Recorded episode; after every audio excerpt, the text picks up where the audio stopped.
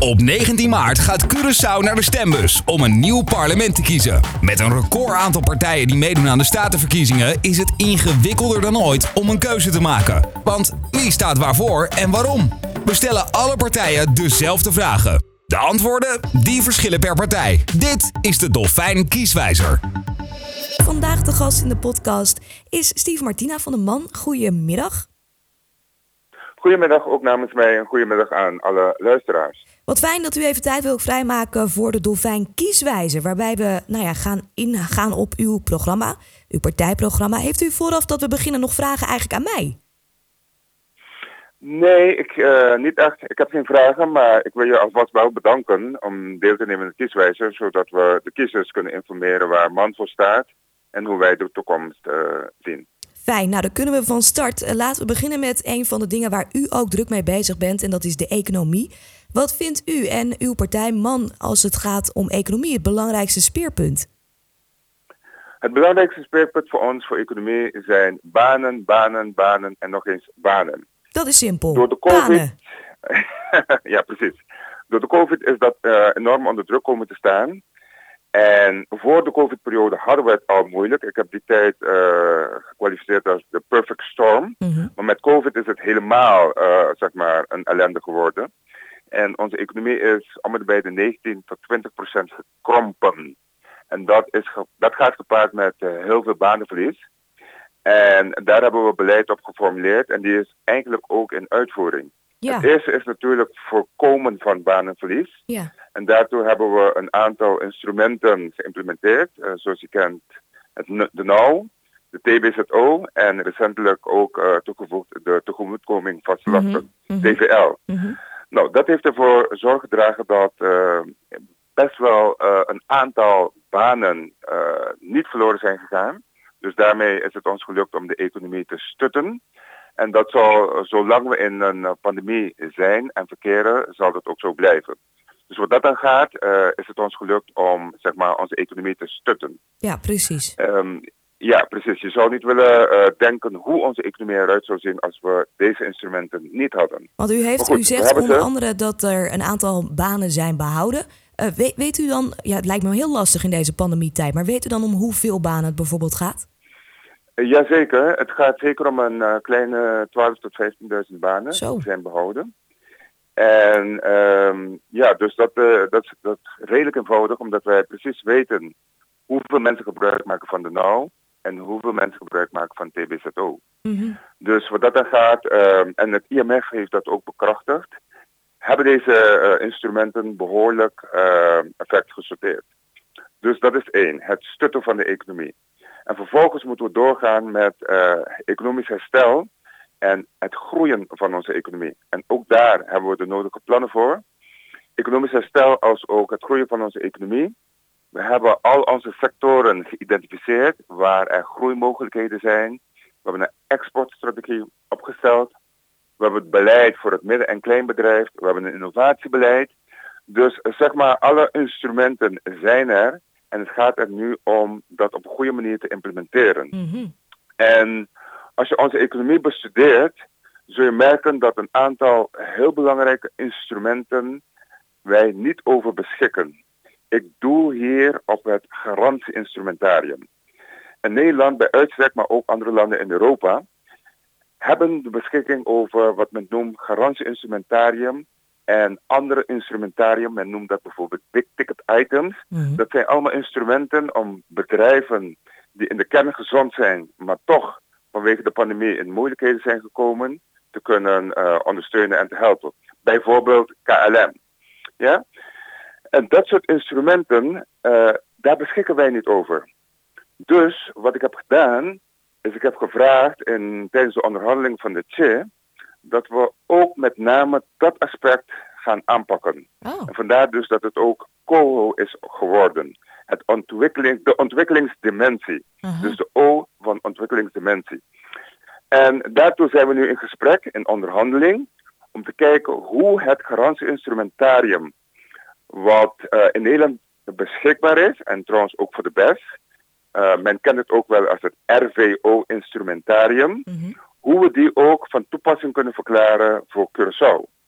En in dat instrumentarium kun je gebruik maken van garanties, maar ook uh, overbruggingskredieten, big ticket financiering, als ook financiering voor innovatie en voor entrepreneurship.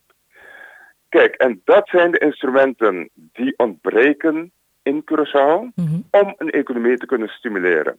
Ja, want ik kan me voorstellen, dat dit, eh, dit zou kunnen klinken voor de luisteraar als uh, behoorlijk abacadabra. Tenminste, voor mij. U, u, gooit soms met termen dat ik denk: oh ja, ja, ik heb er wel eens van gehoord of van mee gelezen in de krant of zo. Maar waar gaat het nou over? Puntje bij paaltje is het volgens mij zo dat het neerkomt op.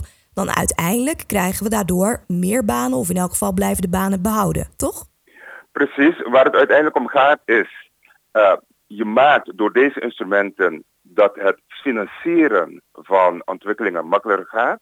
Dus het financieren van projecten. Waardoor door deze financieringen investeringen plaatsvinden. En bij het plaatsvinden van investeringen worden uiteindelijk banen gecreëerd. Mhm. En dat is het instrument waar wij ons uh, behoorlijk hard voor hebben gemaakt. Waarvan ik kan zeggen dat de uh, onderhandelingen zeer goed gaan. Het is een goede aarde gevallen.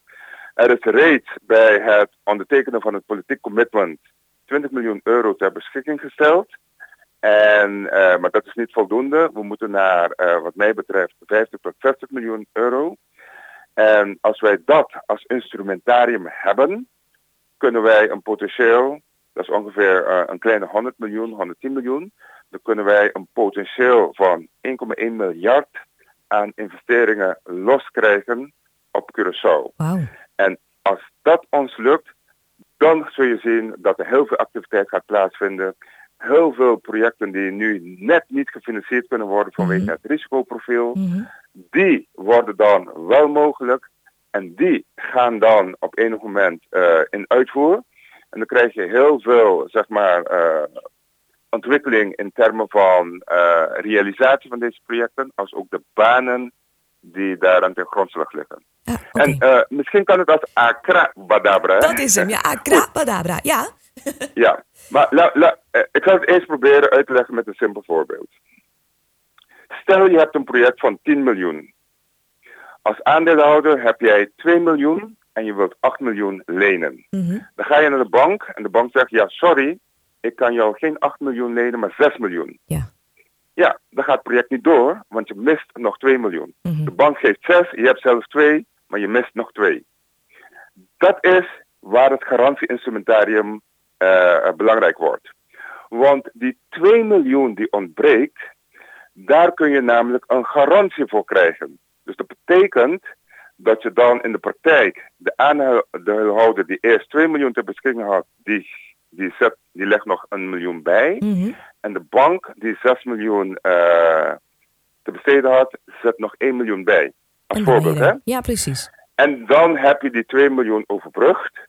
Want gaat het project helemaal fout, dan kan de bank nog trekken op de garantie, als ook de aandeelhouder. Dus het risico is beperkt. En door dat te doen, heb je de sleutel zodat investeringen die eerst niet konden plaatsvinden, omdat je de financiering niet rondkrijgt, nu wel plaatsvinden omdat je de financiering rondkrijgt. En dat is eigenlijk de sleutel. En ook als je economieën bijvoorbeeld in Europa analyseert, dat is de sleutel om economische ontwikkeling uh, te bewerkstelligen. En het gaat hier met name om heel wat investeringen in het MKB-traject. Mhm. Die vandaag de dag niet plaatsvinden, maar met zo'n instrument morgen wel kunnen plaatsvinden. Duidelijk. En we hebben onderzoek verricht uh, door tussenkomst van de centrale bank om bij alle financiële instellingen na te gaan wat de financieringsbehoefte is die niet loskomt, maar met de garantieinstrumentarium wel zou loskomen. En zo zijn we gekomen aan dat bedrag van bijna een miljard. Ja, ja, ja. Kijk, en op het moment dat wij een instrument kunnen creëren om in de komende jaren dat los te krijgen, dan hebben we iets bereikt in deze economie.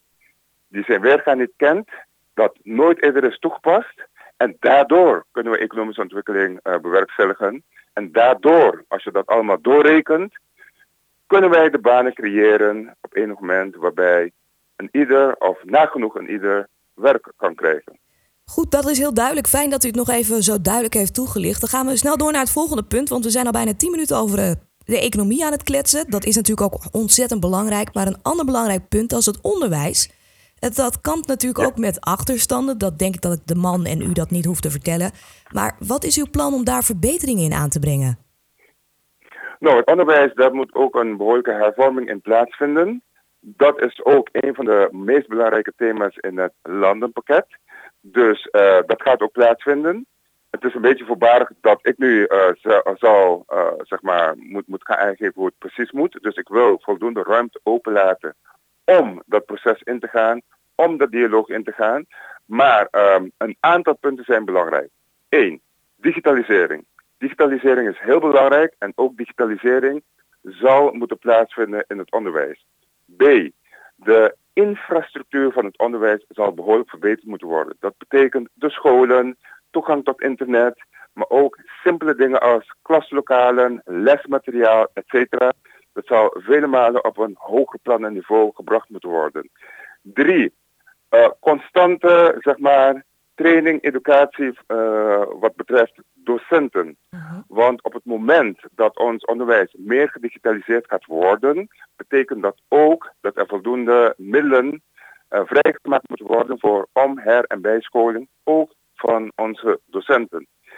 En heel belangrijk in het onderwijs is dat we ook ons nader gaan richten op toegepast onderwijs of vak, praktisch vaktechnisch onderwijs. Ah, oké. Daar hebben we de laatste tijd uh, gemerkt dat daar toch heel veel vraag is vanuit de markt, maar dat de mensen niet geleverd worden of niet voldoende geleverd worden. Dus praktisch vaktechnisch onderwijs is ook een van de aspecten waarvan wij denken die heel veel aandacht behoeft, waarvan nu de invulling nog niet voldoende is. En zeg maar in de hervorming die daar moet komen, uh, de nodige aandacht moet krijgen. En wat een ding is, tenminste, ik heb met uh, verschillende partijen al gesproken. Veel mensen zeggen ook iets over het Nederlandstalig onderwijs. Of Engelstalig of papimentstalig. Hoe staat de man daar tegenover? Hoe, hoe ziet u dat verschil nu tussen de scholen? Um, wat de taal aangaat, vinden wij dus dat daar een uh, fundamentele gedachtenwisseling over moet plaatsvinden om uiteindelijk tot een keuze te komen. Uh, ook wij onderkennen dat op dit moment er heel wat uitdagingen zijn we onderkennen het belang van papiment. Zeker voor mensen die, zeg maar, voordat ze naar school zijn gegaan, eigenlijk nog nooit met Nederland zeker. in aanraking zijn gekomen. Ja, zeker. Dus dat zijn uh, vraagstukken die, die heel complex zijn. En um, wat wij uh, daarvan zeggen is, laten we de dialoog aangaan. Laten we uh, onderzoek daarnaar doen mm -hmm. om uiteindelijk tot een keuze te komen. De keuze die wordt gemaakt, daar moeten we dan ook bereid zijn de nodige middelen en financiering ter beschikking te stellen om te maken dat de implementatie van die keuze ook uh, succesvol kan worden. Bent u eigenlijk tevreden met de zorg op ons eiland? De zorg op ons eiland, denk ik, daar is ruimte om behoorlijk verbeterd te worden. Uh, de zorg op ons eiland is, is met name, zou ik zeggen, vanuit de aanbodkant gericht. Het zou uh, meer vanuit de klantgedachte georganiseerd kunnen worden. Kijk, uh, de zorg op ons eiland is, is ja, niet verkeerd. Zeker als ik dat vergelijk met verschillende overige eilanden. Aan de andere kant hebben we ook binnen de zorg een groot aantal uitdagingen. Eén, de kosten. Mm-hmm. De kosten moeten beheerst worden. Punt nummer twee, uh, een stuk efficiëntie. Uh, er is toch de indruk dat, dat, dat processen binnen het gezondheidszorgsysteem inefficiënt zijn. Um, daartoe zal digitalisering ook enorm uh, van toegevoegde waarde zijn. Bijvoorbeeld, um, je klantdossier of je patiëntdossier is gewoon voor elk zorgpunt waar je gaat beschikbaar. Mm-hmm. Dus dan hoeven we dat niet allemaal telkens weer opnieuw in te, in te vullen en in te leveren. Um, verder denk ik dat in de zorg wij grote stappen kunnen maken door veel meer samenwerking te zoeken in het Koninkrijk. Um, we zijn kleine eilanden. Daardoor kun je zeg maar, bepaalde specialisaties concentreren op bepaalde eilanden. Waardoor we elkaar versterken in plaats van dat elk eiland alles probeert te behappen. Mm. En uiteindelijk, als we praten over gezondheidszorg, is natuurlijk preventie van enorm belang. Ja. Dus ik denk dat ook preventie en eh, zeg maar preventie uitstrekt naar een stuk wellness enorm van belang moet zijn om dat goed tussen de oren te krijgen. Want op het moment dat ieder zorgt voor zijn eigen zeg maar wellness of preventie van, van het ziek worden, Mhm. dat dat de hele keten ook enorm zal eh, bevorderen. Ja, dan heeft u nog wel een uitdaging, denk ik, met een chronisch eh, zieke op aantal van Curaçao, wat echt enorm hoog is. Ja, ja, ja. ehm, eh, obesitas bijvoorbeeld. En als gevolg van obesitas, eh, ja, Suikerziekte. ehm, cholesterol, Ja. suikerziekte, Ja. eh, hoge bloeddruk, dat soort ziektes. En ja, dat zouden we heel goed kunnen oppakken door een stuk preventie. Mhm. En preventie is iets wat te organiseren valt. Dus ook daar zien wij heel veel kansen en mogelijkheden. Gaat dan alle KFC en alle McDonald's in de ban? Ja, nou, belangrijk eh, punt, niet in hè? de band, want dat gaat weer ten koste van de economie. Ja, precies. Maar ik zou zeggen, eh, op een juiste manier, een juiste balans. Eh, don't overdo it. en als we alles doen in balans, en vandaar dat de wellnessgedachte eh, zo, enorm van, zo enorm belangrijk is. Ja. Als we het allemaal doen in balans. En als je dan een McDonald's neemt of een KFC neemt, begrijp dan ook dat je de volgende dag net iets harder moet trainen. Om, eh, ja, om het overtollige er weer af te krijgen. Precies. Kijk, en dan Mhm. komen we tot de balans die we nodig hebben. Ja, is ook zo. U heeft het al een aantal keer aangehaald, eh, de organisaties en de pandemie natuurlijk, afgelopen periode, waarmee u ook veel heeft samengewerkt met Nederland. Hoe staat, u, eh, hoe staat de man eigenlijk tegenover de band met Nederland? Ehm, de band met Nederland zien wij als een band die wij constructief moeten invullen. Het volk heeft gekozen voor een verband in het Koninkrijk. Het Koninkrijk bestaat uit een aantal landen. Dus wij staan ervoor in dat we met deze landen een hele constructieve band moeten eh, verzorgen. En met name Nederland in deze, omdat vanuit Nederland natuurlijk, eh, zeker nu we de pandemie eh, kennen, heel veel zeg maar, te goede komen. Dus, dus in termen van ondersteuning met betrekking tot pandemie, ehm, nu de vaccinaties, maar ook de hele infrastructuur om COVID te lijf te gaan, voedselpakketten, financiering. Dus Nederland in het Koninkrijk is een heel belangrijke partner. En wij staan ervoor in dat we daar een constructieve relatie mee onderhouden. Zijn ze een belangrijker dan eh, Curaçao, meneer Martina? U zegt, u zegt, nou ja, ze zijn een hele belangrijke partner, maar zijn ze belangrijker dan Curaçao of Aruba of Sint Maarten? Nee, nee, nee, nee, nee. Ehm, alle partners zijn even belangrijk, maar op dit moment hebben we natuurlijk een hele intensieve relatie met Nederland vanwege eh, de gevolgen van de pandemie. Mhm. En daarom zeg ik, eh, staan wij ervoor in dat wij deze relatie op een constructieve manier invullen. Oké, nee, duidelijk. Wat- dat we wat dat, ik- dat we dat Met, duidelijk met, hebben. met, met andere woorden, met, met andere woorden ehm, eh, we hebben gezamenlijk uitdagingen en hoe komen we hier gezamenlijk uit? Ja, Eh, precies. altijd openstaan voor dialoog, als ook openstaan voor oplossingen. Ja. En daartoe kan ik eh, bijvoorbeeld, eh, als voorbeeld, heel recentelijk, ehm, eh, zeg maar, het proces van de CHE, hè? Mhm. de, de, de, de Caribische hervormingsentiteit. Wat ons betreft is de manier waarop dat proces is ingezet, et cetera, was niet eh, de juiste, had beter gekund. Uiteindelijk hebben we ons daar ook heel scherp eh, tegen verzet Ja. op, eh, in het beginnen. Ja. Maar we hebben ook altijd gezegd, we staan open voor eh, dialoog, onderhandeling, om uiteindelijk tot de oplossing te geraken. Mhm. En op dit moment hebben we de oplossing in de COHO. En dus daarom zeg ik, we zitten binnen een koninkrijk. We moeten uitgaan van constructieve relaties. En als we dat doen, dan komt het goed. We zitten natuurlijk ook nog met de raffinaderij in het midden van het eiland. Ik kan me voorstellen dat u daar, en misschien economisch gezien ook nog wel, wel ook een mening over heeft. Wat, wat moeten we met dat ding? Ja, de raffinaderij is inderdaad een, eh, een belangrijk vraagstuk. Eh, daar zijn veel wat gedachten over. Nou, heel veel. Eh, men noemt het ook wel een duivels dilemma. Mhm. Maar eh, we zitten in de regering die fundamenteel heeft gekozen voor het openlaten van de raffinaderij. En eh, wij geloven dat het openlaten van de raffinaderij op een verantwoorde manier kan. De raffinaderij is op dit moment, zeker in deze pandemie, zeer belangrijk, omdat dat een van de eh, zeg maar, grote, wellicht de meest grote project is, die op het moment dat de raffinaderij weer gaat draaien, banen kan opleveren. Mhm. Dus vandaar dat het economisch enorm van belang is. Aan de andere kant is eh, zeg maar de impact van het milieu van de raffinaderij natuurlijk een punt van zorg. Maar wij geloven met de techniek van vandaag dat de raffinaderij met de nodige investeringen op een milieuverantwoorde wijze geopereerd kan worden. En daar staan wij voor in. Tevens is het zo dat uh, dat heel wat investeringen vergt. Wat op zich goed is, want dat creëert weer uh, banen. Aan de andere kant is het heel belangrijk dat de manier waarop de raffinaderij naar de toekomst toe wordt uh, geopereerd, dat echt in samenhang met het milieu is. Dus binnen de normen zoals die door zeg maar de gezondheidszorg worden bepaald. Mm -hmm. en, en, en dat is voor ons toch wel een punt waarbij uh, de nieuwe operator moet laten zien, a, dat hij op de hoogte is welke investeringen daarvoor moeten plaatsvinden en b, dat hij ook de financiële daadkracht heeft om deze investeringen te realiseren. En voor hoe lang moet de raffinaderij dan open blijven als het aan u ligt? Um, ik denk dat de levensduur van de raffinaderij um, mogelijk nog 20 jaar is, mogelijk iets minder. Dat is de levensduur van raffinaderijen ook elders in de wereld. Wat dat dan gaat, kijk ik even toch weer met de schuin ook naar Nederland.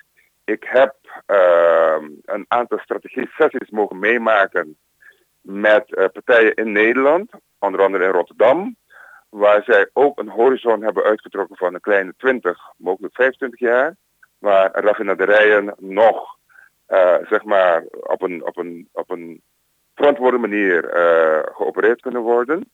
En tegelijkertijd moet je die 20 jaar ook nemen om tot een transformatie te komen in je economie. Mm -hmm. En die strategie, dat heeft mij enorm aangesproken. En in het geval van Nederland, uh, in het geval van Curaçao, zitten we eigenlijk in hetzelfde schuitje. Dus ook wij denken dat onze raffinaderij nog 20 jaar, 15, 20 mee kan.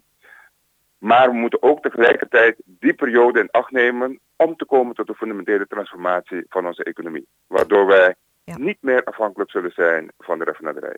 Hot topic was natuurlijk ook de afgelopen periode de infrastructuur, de gaten in de weg. Het heeft uh, weer geregend, dus uh, er zullen weer wat gaten bij zijn geslagen. Heeft dat voor de man eigenlijk ook prioriteit, de infrastructuur?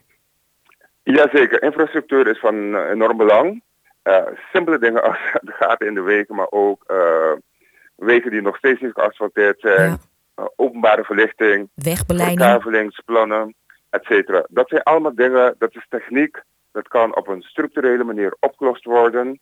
Uh, de grote vraagstuk is eigenlijk financiering. Ja. Zijn er voldoende middelen om al deze investeringen te plegen? Nou ja, ik betaal nou, ik wegenbelasting. Is dat niet genoeg, de wegenbelasting? Um, jawel, maar je praat over een inhaalslag. Ja. Dus dat betekent dat wij uh, op korte termijn veel meer moeten investeren dan wij bijvoorbeeld via de wegenbelasting in kas krijgen. Mm -hmm.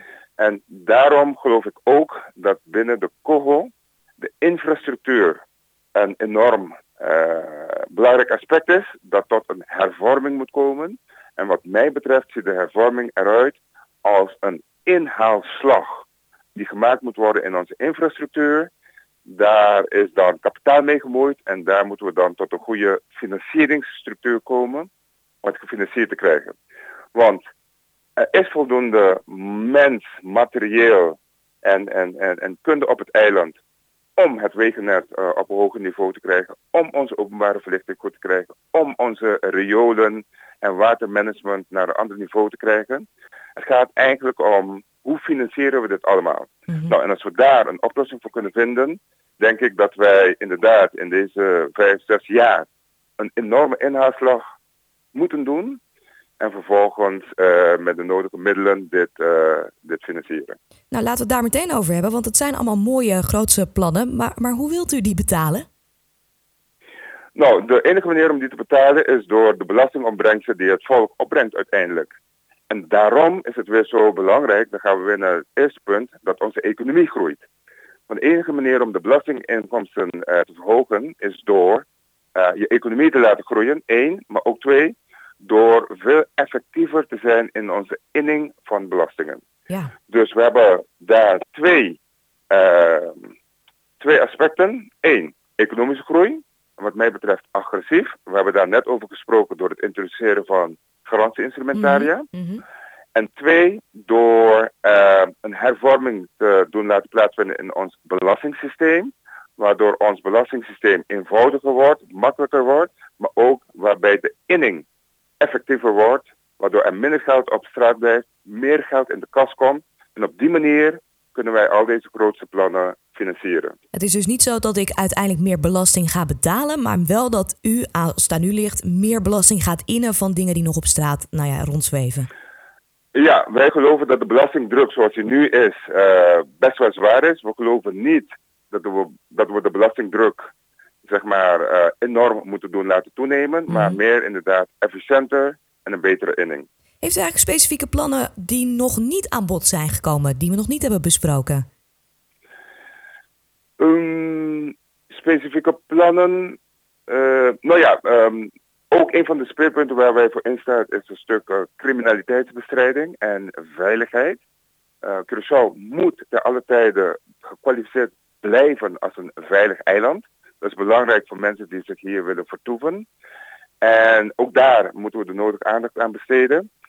En verder denk ik dat uh, wat er net is gemeld, um, heel belangrijk um, dat wij alle ontwikkelingen die we doen duurzaam doen, dus in harmonie met milieu, als ook inclusief, dus ook in harmonie met uh, zeg maar mensen die uh, gebruik maken van bepaalde uh, plekken die naar de toekomst toe ontwikkeld zullen worden. Mm-hmm. Dus inclusiviteit en duurzaamheid belangrijk.